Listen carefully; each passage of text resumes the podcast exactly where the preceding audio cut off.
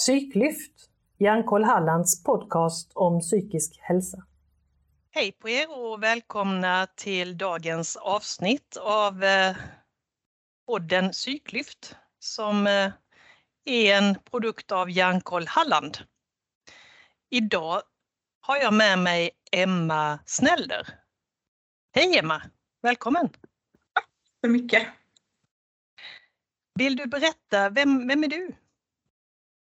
Emma heter jag och jag jobbar på Kungsbacka kommun på en um, enhet som heter Utveckling och social hållbarhet. Och vad gör du där? Så mycket roligt! så mycket spännande och så mycket viktigt. Jag jobbar med eh, många olika frågor men en av de stora områdena jag jobbar med det handlar om hur vi kan bli bättre på att samverka eh, runt barn och unga mellan kommun och region. Mm. Och det är ju ett av skälen till att eh, jag har bjudit in dig till den här podden, att vi ska prata just om det arbetet som Kungsbacka kommun har bestämt sig för att satsa på. Mm. Och har jag förstått rätt om det heter Tillsammans för varje barn? Ja, så kallar vi det i Kungsbacka. Men mm. eh, arbetet är ett del av ett, ett nationellt utvecklingsarbete som drog igång 2017 när regeringen gav Skolverket och Socialstyrelsen i uppdrag att arbeta med, med att stärka samverkan mellan region, alltså sjuk, hälso och sjukvård, skola och socialtjänst mm. runt barn och unga. Och Kungsbacka har varit med sedan 2018 i det arbetet. Mm. Varför vill man göra det? Varför vill man stärka samverkan runt barn och unga? Vad är liksom tanken? Ja, det är, jag, rätt ska ju vara rätt och det handlar inte bara om att stärka samverkan, det handlar om att stärka samverkan i ett tidigt skede. Och det är ju fantastiskt det här med att vi, ska, vi ser att fler identifierar behovet av att jobba i ett tidigt skede. Och man pratar mycket om att gå in och bryta utveckling i ett tidigt skede av en ogynnsam utveckling hos barn och unga. Och då kan du tänka att när man väl gör en orosanmälan så föddes det inte, den oron föddes inte över natten till exempel för det barnet. Eller ett barn som blir hemmasittare blev inte det över en natt. Ett barn som går ut eh, årskurs 9 och inte har gymnasiebehörighet, alltså inte kan börja på gymnasiet. Det skedde inte heller de sista veckorna i årskurs 9 utan allt det här är en del av en utveckling som har skett under många år. Och om vi skulle kunna bli bättre på att hjälpas åt när vi ser att det svajar lite runt ett barn eh, eller vi kanske ser fler riskfaktorer runt ett barn. Om vi hade kunnat gå in tidigare och vända den utvecklingen så hade barnet kanske aldrig behövt bli eh, alltså, bli hemmasittare istället för att kunna vara i skolan, att kunna vända trenden tidigt. Mm. Så mm. om vi hjälps åt tidigare så hoppas vi att fler barn och unga ska må bättre. Mm. Vilka, vilka är det som är med och samverkar i den här satsningen? I Kungsbacka? I Kungs, ja, i, precis i Kungsbacka. I Kungsbacka så är det eh, fyra förvaltningar på kommunen som leder arbetet och som drog igång det 2018 och det är förvaltningen för kultur och fritid där vi har med representanter som jobbar med barn och ungas fritid, ungdomskonsulent och hälsopedagog. Vi har eh, individ och familjeomsorg, eh, socialtjänsten där vi har bland annat familje behandlare som är med. Vi har gymnasie och arbetsmarknad som vi jobbar med de lite äldre ungdomarna. Vi har också de som jobbar med unga som hoppar av skolan eller, och sen så har vi före grundskola som är barn då. Från regionen så är det ungdomsmottagningen, BVC och det här kontaktcentret En väg in barn och unga psykiska hälsa som är med som ganska aktiva. Men man kan tänka att samverkan handlar ju om de som behöver samverka runt barnet. Mm. Så att ibland blir det andra parter, ibland har polisen till exempel varit med och vi har med etableringen ibland som jobbar med nyanlända och så vidare. Men det är de här som är grund, mm. som ofta är med. Mm. Och vilka är målgruppen för detta då? Barn och unga förstår jag, men eh, vilka barn och unga är det som är, är målgruppen för det här? Ja, man, man, skulle kunna säga att det är um, alltså, barn och unga som då på något sätt befinner sig, som har riskmarkörer för en ogynnsam utveckling och för att det vad är en riskmarkör? En riskmarkör kan vara att det är kanske oroligt hemma. Eh, kanske pappa har blivit sjukskriven eller mamma är arbetslös eller att det finns liksom, det är lite någon förälder som inte mår riktigt bra. En riskmarkör kan vara att eh, barnet börjar hänga med andra kompisar som kanske inte är så bra kompisar. Eller att barnet inte har det alls bra på sin fritid för det finns inget sammanhang alls där man mår bra. Det kan vara att skolfrånvaron börjar öka och man ser att det går, kan, vad kan vi mer göra? Så det kan vara exempel på riskmarkörer. Och som sagt ogynnsam utveckling, det är ju en utveckling som leder till att man mår inte alls bra till slut. Mm. Vilken ålder? Alla barn, förlåt, ja. från noll år och sen tills man har gått färdigt gymnasiet. Mm. Om, om det är från noll år, eh, då, du kanske sa det men jag missade det, eh, då är BVC med eller vilken? Mm. vilken BVC är också med. Ja. Mm och fångar upp eh, barnen redan från starten. Precis. Mm. Och då handlar det ju mycket om att fånga upp familjen. Mm. Mm. Där de kan se att föräldrar, och då är det främst mamman som är där, men de möter ju föräldrarna regelbundet under första året. Mm. Och du sa att eh, det är flera förvaltningar, fyra förvaltningar i kommunen som är med och mm. även regionen. Och jag tänker, är alla barn i Kungsbacka kommun inkluderade här? Når man liksom alla vårdcentraler, når man alla familjer, når man alla skolbarn? Nej, inte än. Um, så det håller vi på att titta på formen för just nu, men vi har jobbat med pilotskolor där vi har haft fasta team som har fått se hur kan man etablera den här formen av samverkan. För det handlar ju om att om jag, jag som yrkesverksam ser att det här barnet mår inte riktigt bra och det är mycket i skola och förskola där barnen är hela dagarna. Där har man ju lättast att identifiera vilka barn vi behöver jobba med. Men socialtjänst kommer ju inte i kontakt med dem om det inte redan är någonting. Ehm, så att det är mycket skola och förskola där vi identifierar barnen. Då har vi haft, vi har, ska jag säga, sex stycken pilotteam nu och förhoppningen är att vi under nästa år kan övergå till en mer agil form. Alltså så att det är mer, jag kan sammankalla när jag ser ett behov av att samverka. Så mm. kan jag sammankalla till ett sånt här möte med de aktörer som behöver vara med. Mm. Så agil, agil, betyder alltså vid behov egentligen? Då, precis, ja. precis. Ja, mm. Mm. Så att vi är just nu i den eh, fasen när vi vill testa en form för det. Eh, för vi ser nu att det är värdefullt och det gör skillnad och vi har inte jobbat med hundratals barn än. Eh, men, men de barnen vi har jobbat med kan vi se att för dem och familjen så har det gjort skillnad. Mm. Sen kan vi ju inte säga, för jag menar ett av målen i Kungsbacka är att fler barn ska gå ut årskurs 9 med gymnasiebehörighet. Det kan vi ju inte mäta än. För de förskolebarn vi har jobbat med, de går fortfarande på, i, ja, i skolan. De har inte mm. kommit så långt upp, de har inte ens börjat på högstadiet. Så vi kan inte mäta de effekterna, men vi kan mäta direkt efter. Hur mår ni nu? Har vi, mm. har vi vänt måendet? Känner sig, kanske att föräldrarna känner att de har fler verktyg att jobba med barnet. Mm.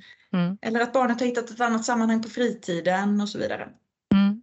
För det var också en, en sak som jag tänkte att jag ville fråga dig om, hur ni, hur ni mäter och utvärderar och hur ni märker. För det kan ju vara kanske lite sent att mäta efter att de går ut årskurs 9 om man då ser att nej det här gick ju inte på rätt håll. Har ni delmål, alltså utvärderar ni längs vägen så att ni kan göra en insats om ni ser att här är det inte riktigt tillräckligt, vi behöver göra mer men det är, inte, det är liksom inte kört. Vi kan, vi kan, mm.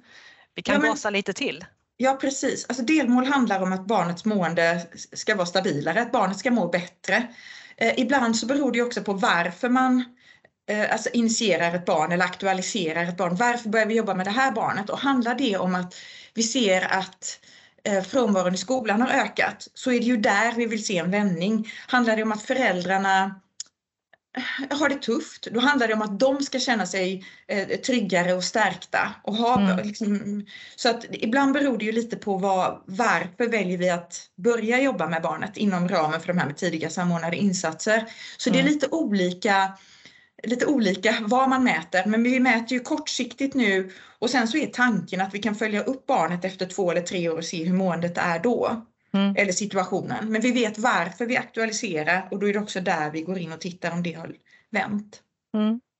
Sen, jag vill bara säga det med hur vi mäter, så spelar det ju roll om vi jobbar i enskilda team eller vi jobbar över hela kommunen. Alltså alla barn som finns i Kungsbacka kommun. Så vi tittar just nu på hur utvärderingsverktyg ska se ut. Mm. Eh, när vi når förhoppningsvis alla då, eller det blir tillgängligt för alla. Mm. Mm. Och du nämnde att det här är ett nationellt uppdrag egentligen som kommer från mm. Skolverket och Socialstyrelsen. Socialstyrelsen. Eh, och då tänker jag att det finns i ett antal kommuner, jag tror att jag läste på nätet att det var uppåt 90 kommuner i, i landet som deltar i den här satsningen. Kan det stämma? Ja, alltså vi har, vi, jag vet att i, i, vi som ingår i nätverket så är det 38 utvecklingsarbeten. Mm. Men sen har ju det spritt sig vidare, så som i Västerbotten eller Västra Götaland så finns det ett huvudprojekt som ingår i det nationella arbetet och sen så har de startat upp inom alla kommuner i regionen. Mm. Mm. Så det kan absolut vara 90 olika arbeten som pågår för både Västerbotten och Västra Götaland till exempel. De har jättemånga olika team. Mm. mm. Och, och det, du, ja, förlåt? Men jag skulle säga att ramen, det vi arbetar med, är tidiga samordnade insatser. Det är det mm. som är samlingsbegreppet och mm. det vi jobbar med. Mm. mm. Och du, du sa att ni ingår i en samverkan eller ett nätverk då. Mm. Eh, har, har ni regelbundna utbyten och sådär så att ni kan mm. lära av varandra i, i, det, i den samverkan? Verkligen. Det är ganska styrt. Eh, och det är obligatoriskt att vara med på nätverksträffar, vi har regelbundna utbildningsdagar och eh, vi får mycket stöd i olika verktyg, till exempel vad gäller uppföljning och hur mäter man det här arbetet? Hur jobbar man med samtycke när det handlar om kommun, region och så vidare? Och vi utvärderar eh, en gång årligen i en stor utvärdering, men vi, jag har två gånger om året återkopplar hur arbetet är. Vi sammanställer dem på nationell nivå, sen skickas det ut alla utvecklingsarbeten. Och mm. där kan man ju också se då nationellt under de här fem åren vad, vad, ser de för trender i vad är utmaningar när man jobbar med utvecklingsarbete, alltså samordnade insatser till exempel. Så att de kan se vikten av politisk förankring, vikten av att man har med sig ledning, att det är svårt att få med hälso och sjukvård, att det är utmaningar med socialtjänst, att få till det här förebyggande uppdraget och så vidare. Så det finns ju mycket nationell, många nationella trender man kan se. Plus mm. att vi får mycket stöd i verktyg till mm. exempel. Mm. mm. Och du är inne på utmaningar. Vad, vad har ni stött på för utmaningar sedan ni startade upp i Kungsbacka? Alltså det finns utmaningar på olika nivåer och jag tänker att en av utmaningarna är att alla som jobbar med barn och unga gör allt. Det finns ingen som går runt och tänker att man kunde göra mer men det, äh, det orkar jag inte med. Jag ser att den här eleven eller det här barnet har det tufft men jag tycker, jag. nej. Alla gör redan allt. Och när vi nu säger men vi kan göra mer så handlar det ju om att koppla på, eller framförallt mer, det handlar om att vi kan göra annat, så ska jag säga. Så att du ska växla över från jag gör redan allt till att jag kan göra på ett annat sätt när jag möter en barn och ung. Och det kan jag se för yrkesverksamma i det en, en utmaning. Alltså den inte, ja, det är ett nytt sätt att tänka. Så när skolan till exempel redan går in med en mängd olika insatser runt ett barn så ska man nu tänka, men vänta, socialtjänst kanske skulle kunna jobba med föräldrarna. Eller om vi skulle ta och jobba med barnens fritid, för det ingår ju inte i skolans uppdrag. Så att jag ska tänka, vad kan andra också göra för att det här barnets mående ska gå bättre? Och det är en utmaning när vi jobbar med barn som fortfarande funkar. Det går fortfarande, det går fortfarande. Men um, du ska ändå gå in och göra mer än du är van vid att behöva, för det brukar vi ju göra när det brinner i alla knutar. Mm. Och, och, många andra utvecklingsarbeten pratar också om att det här handlar om att ha ett öra mot rälsen, det handlar om att känna här är det ju något som inte stämmer. Där mm. ska vi gå in. Och det mm. hinner vi inte alltid med annars, för det funkar. Och det tycker jag är, som sagt, när vi då, om man tar barnen som det blir svårare för längre fram, som som sagt de kanske inte ens kommer till skolan eller inte får gymnasiebehörighet och så vidare. När vi går tillbaka i deras utveckling och pratar med de vuxna som mötte barnet i lägre åldrar, så säger de ofta, men man kände att det var något. Mm. Och att gå in och börja tänka, vad kan vi göra när vi känner att det är något? Och vad kan andra gå in och göra?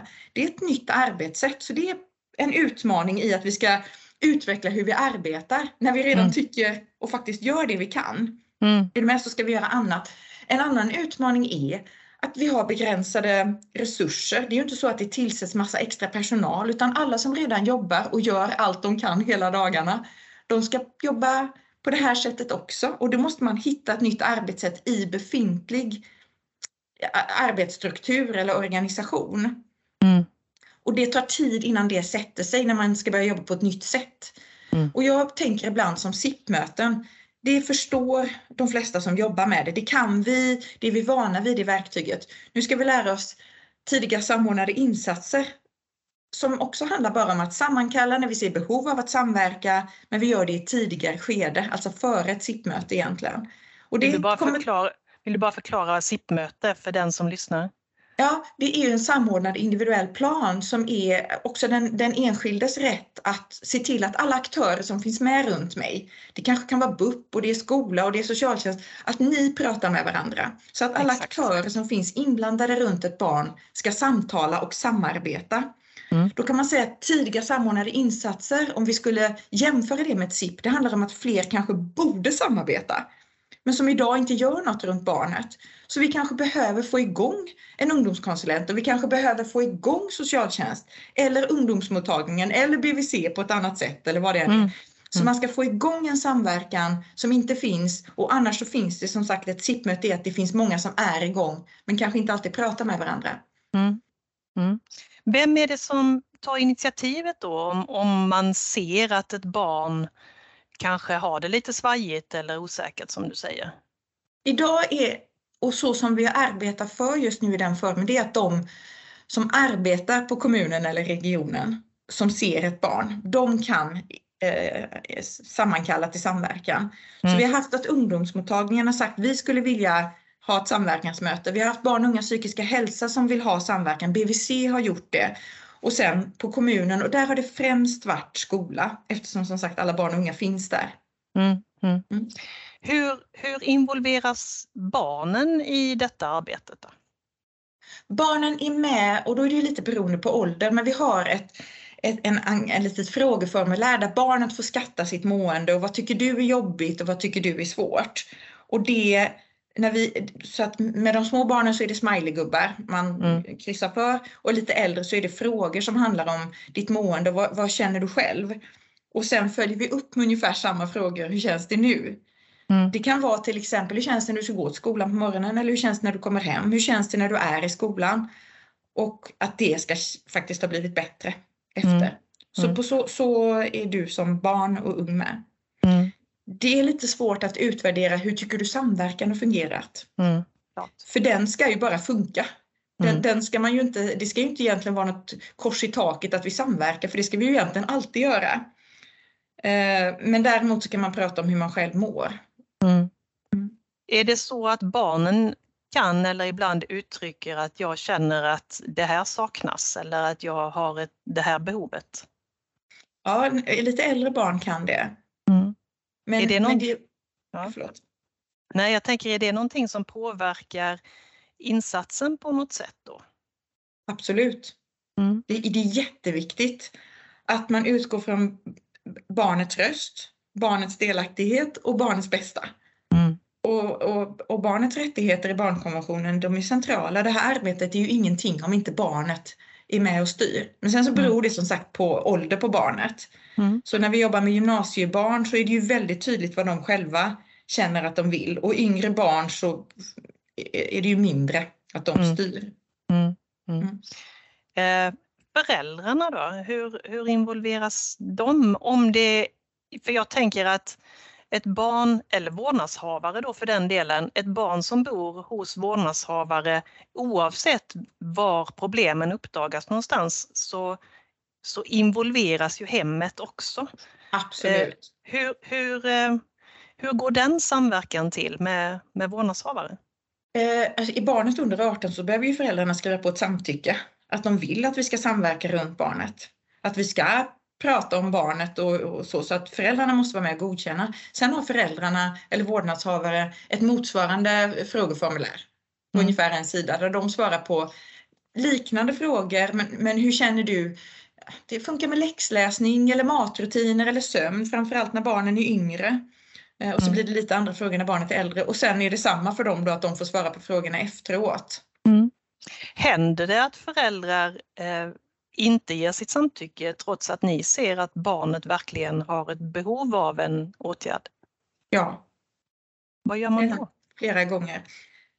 Um, vi försöker förstå varför man inte vill och när man inte har velat nu så tror vi oss ha kunnat förstå att det handlar ibland om att man inte ser att det finns något, eller vill se kanske, att det finns något problem. Sen handlar det om att eh, socialtjänsten är med. Och man ehm, kan vara att man är lite rädd för socialtjänsten. Ehm, det finns en massa rykten om vad socialtjänsten kan göra och att man absolut inte vill ha kontakt. Det kan handla om att i min familj har vi inget med dem att göra för vi eh, klarar oss minsann själva. Så det mm. finns lite olika anledningar och en del av detta arbetet är ju att vi vill sänka tröskeln till att socialtjänsten är någon som hjälper oss. Så vi pratar ibland om att det är liksom ett utökat stöd runt familjen. Att de samtal man kan få med socialtjänst, det är ingenting, alltså, det är fem första samtal, det är inget som diarieförs. först. Det här är inte en orosanmälan utan vi vill komma in och jobba tillsammans med er nu i ett tidigt skede för att vända en utveckling. Och det gör ibland också att det blir lättare än när det är en orosanmälan. Mm. Så att eh, vi försöker förstå varför man inte vill ge samtycke. Mm. Eh, och så får vi ta det därifrån. Och det vi kan göra ibland är att man kanske ändå kan hjälpa ut barnet i en fritidsaktivitet till exempel. Mm. Även om vi inte kan samverka runt det. Så vi mm. försöker hitta andra vägar. Men det är ju inte så att lyfter skolan till exempel ett barn, vi skulle vilja samverka och föräldrar säger det vill inte vi. Då så säger vi alla, ja men då gör vi inget mer, då släpper vi det där. Utan vi försöker hitta andra vägar mm. där vi inte pratar om barnet öppet. För jag tänker också att det här är, det är ju någonting som är ofta grundat i okunskap. Då är det lättare att säga nej till någonting som man kanske inte har full insyn i eller känner att Precis. det här är någonting nytt. Hur ja. satsar ni på att eh, sprida kunskap eller kanske inom citationstecken utbilda föräldrar då som, som känner sig lite oroliga för, nej vad är det här mm. för dumheter, det vill jag inte vara med om. Nej men jättebra fråga. Vi, på de skolorna där vi är nu, det här, har vi inte, det här ska ju gå upp i högre, större skala såklart, men i de, på de skolor vi jobbar nu så gör vi till exempel att man pratar om det på föräldramöten. Då presenterar vi arbetssättet och på skolan. Så skolan berättar om att sen har vi tillsammans varje barn och där samverkar vi med socialtjänst och regionen och så vidare. Så då berättar de kort om arbetssättet. Eh, det står information på mm, digitala verktyg där man kommunicerar med föräldrar. Vissa, någon skola har satt upp foton på de som ingår i teamet där all personal på skolan finns. Så finns det ju, här är vår kontaktperson på socialtjänst och här är vår kontaktperson på kultur och fritid. Så att föräldrarna känner att de ingår i skolans team. Men det handlar mycket om att berätta om det. Så de skolorna där man har berättat om det på föräldramöten eh, är det mycket lättare att få samtycke för där är det mer eh, ja, accepterat, det är inte så konstigt. Annars mm. kan det ju kännas, men varför, varför ska socialtjänst vara med ett mitt barn, vad händer här? Men mm. även det kommer ta tid tror jag tills man känner till att det här är ett arbetssätt och vad det mm. betyder eller mm. innebär. Mm. Och ett sätt att också öka Eh, motivationen kanske eller viljan till, till att ingå eller låta, låta den här satsningen även inkludera ens eget barn kan ju vara kanske att så småningom presentera resultaten. Om det ja, finns precis. positiva resultat. Så att prata om dem redan innan det har hänt någonting tänker jag skulle också kunna vara någonting som, mm. som gör att man känner till att här finns det en satsning som, som mm. fun har funkat för andra. Verkligen, Då kanske det kan ja. funka för mina barn också. Mm. Ja, jättebra tips. Mm. Jag eh. pratar ju själv aldrig med föräldrarna utan det är ju den som känner barnet och föräldrarna som, som har kontakten med dem. Mm. Men jag ska absolut ta med mig det som ett tips. Ja. att, att de berättar om andra och vad vi har gjort för att man förstår vilka insatser är det ni gör, vad handlar detta om och hur mm. har det varit för andra. Mm. Mm. Vad, vad, vad, säger de, eh, du sa att de personal, eh, till exempel på skolan, känner att de gör redan allt. Hur, mm. alltså, hur har detta tagits emot bland personalen? Är du, och jag tänker också, hur hanterar ni personalomsättning? Som är, finns det någon utbildning eller är det här någonting som man bara förväntar sig att man ska förstå eller hur, hur går det mm. till? Eh, om, om man börjar med det här med personalomsättning så är tanken att vi ska ha eh, regelbunden, alltså vad, vad, är det här arbetssättet, vad handlar det om? Så att man skulle kunna få ta del av. Men, men då är det lite det här skedet nu att växla över från de fasta team, för där känner vi all personal. Och varje gång det kommer in någon ny så får, har jag haft introduktion och ibland har vi haft med någon annan från ett annat team som är med och berättar hur vi jobbar. Så nu är det ju väldigt lätt att se, vi vet ju alla per namn. Så mm. kommer det ju inte bli utan ett sittmöte, där är ju olika deltagare varje gång. Så, så det kommer inte se samma ut i framtiden som det gör nu. Men tanken är att det finns någon, någon regelbunden eh, information om det. Um, men jag kan inte riktigt säga hur det kommer se ut, men det kommer absolut att finnas. Mm. Så att man känner sig trygg i arbetssättet. Och det är ganska lätt också att ordna en eller två gånger per år. Att eh, ha en, och digital får vi ju fler deltagare där alla som vill kan anmäla sig och få veta vad handlar detta arbetssättet om och hur går det till. Mm. Och det tänker jag att jag kommer ha så fort mm. vi vet hur vi ska skala upp och hur det kommer mm. se ut. Mm. Så så fort formen är klar, då kan vi gå ut och göra det. Och vad var den första frågan du sa?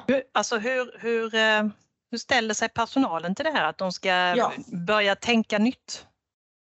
Nej men eh, ja, Ha, och sen att jag tycker alla är otroligt positiva. Alla som har varit med ett tag har, ser hur bra det är att få fler professioner i rummet. Att vara fler kompetenser som tänker till runt ett barn. Så alla är mycket intresserade av hur tänker ni, hur kan vi hjälpas åt? Mm. Sen är det svåra fortfarande det här med att identifiera barnen. Det kan jag mm. se fortsätter att vara svårt. Men att man är positiv till samverkan, där är ju recensionerna, det säga utvärderingen bland alla som deltar är ju jättepositivt. Mm. För man har hittat en form och många, det kan ju de som deltar från socialtjänst också till exempel säga att här, får vi äntligen, här kan vi ju jobba förebyggande. Här kan mm. vi gå in i ett tidigt skede och inte bara när det har gått väldigt långt mm. i en negativ utveckling. Så att många är väldigt positiva till att hitta ett arbetssätt där vi jobbar förebyggande och där vi jobbar tillsammans. Mm. Mm.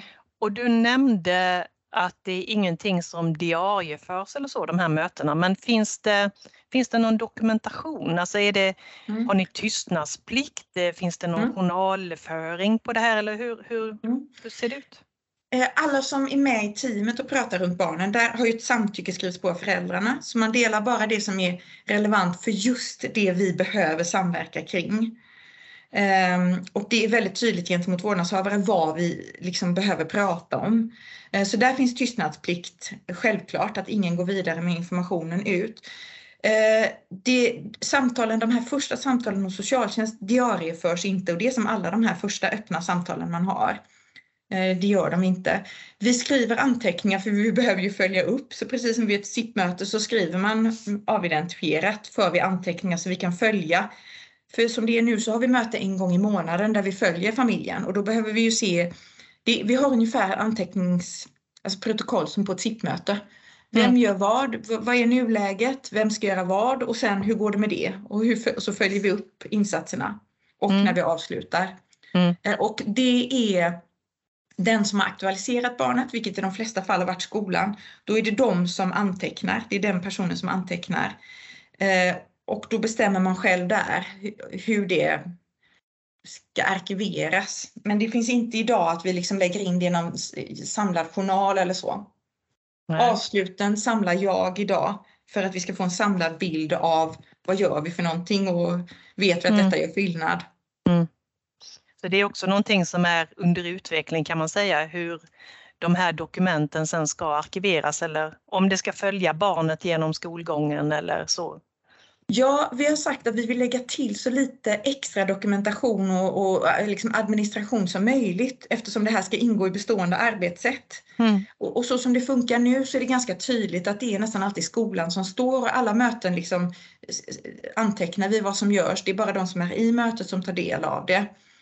Eh, men, men när vi ska skala upp så vill vi kunna följa hur barnen sen mår. Så mm. det, det ser inte riktigt, det vet vi inte riktigt hur det kommer se ut. Det stämmer. Mm.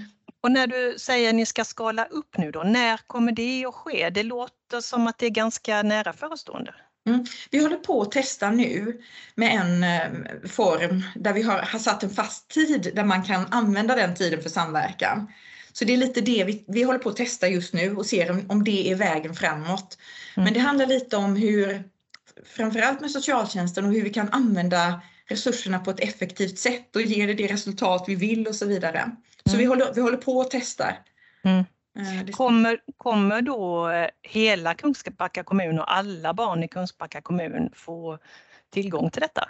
Det, nej, det kan jag faktiskt inte lova. Man kan säga så här att um, alltså, som det är nu så har vi satt en tid och den kan man använda för den här samverkan.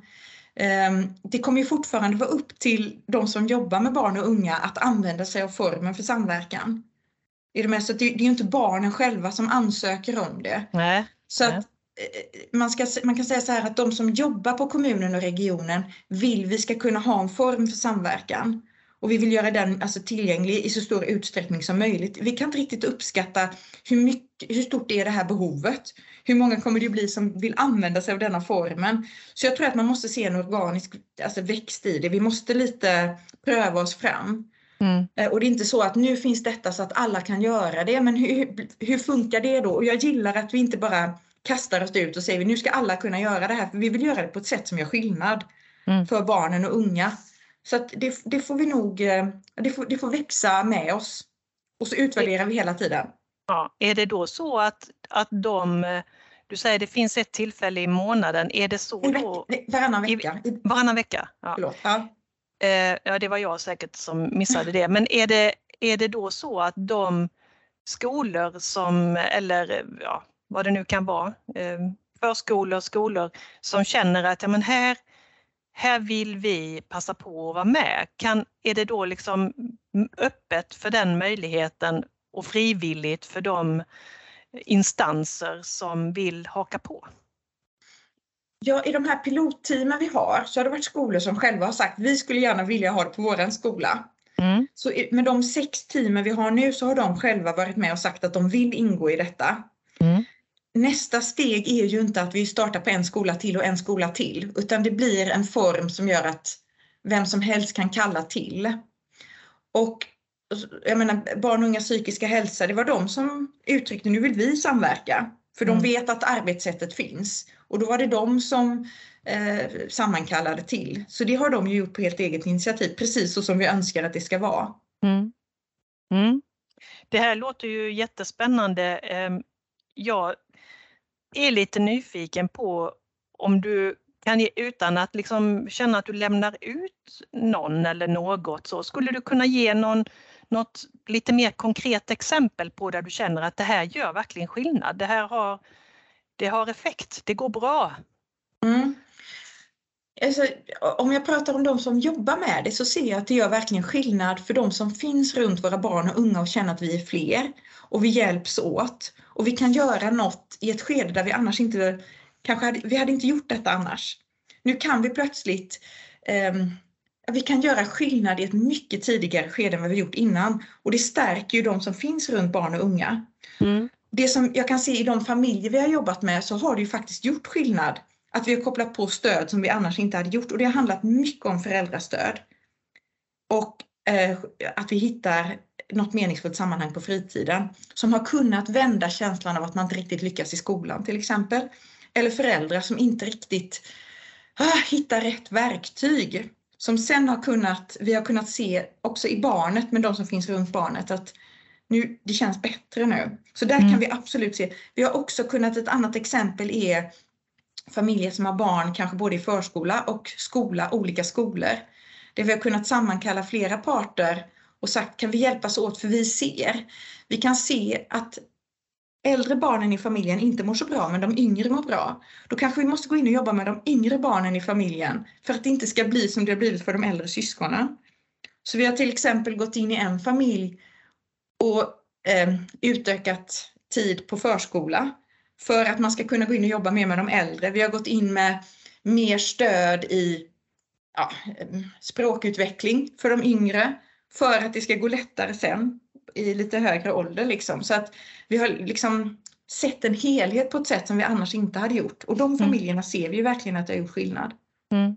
Och du pratar om föräldrastöd och, och verktyg som föräldrarna kanske känner att de saknar. Vad kan det vara för något? Det kan, och, och det kan man ju säga, tittar du på tidiga insatser idag så är ju föräldrastöd något av de absolut viktigaste formerna av en tidig insats. En främjande insats och det säger ju all forskning. Så föräldrastöd är oerhört viktigt. Det kan vara samtal med socialtjänst. Det kan vara eh, att vi har olika gruppcoaching, ut, utbildning, handledning. I Coop-utbildning, vi har älskade barn som är där föräldrar i grupp får stöd. Vi har individuell coachning på kultur och fritid för föräldrar också. Så det kan vara antingen både i grupp eller individuellt stöd Mm. i ditt föräldraskap. Och det är tufft för alla föräldrar ibland. Mm. Så att alla mår bra av ibland få lite extra hjälp på vägen. Mm. Så på så sätt så skulle det här vara något för alla.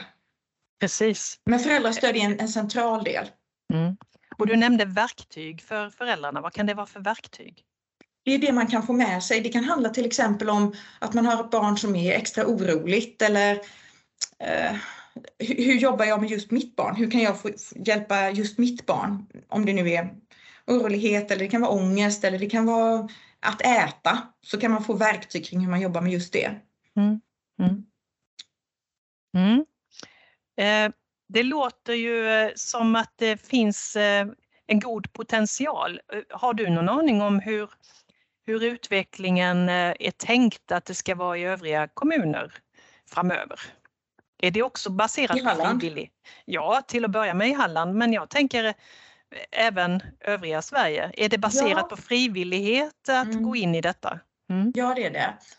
Men vi har ju vi har ju många olika, nu beror det på vilken förvaltning eller verksamhet vi jobbar med på region och kommun, men vi har ju, det finns ju mycket i många lagar så står ju, eller alltså både hur skolan ska jobba, eller socialtjänsten ska jobba, eller regionen ska jobba, så ska vi jobba förebyggande.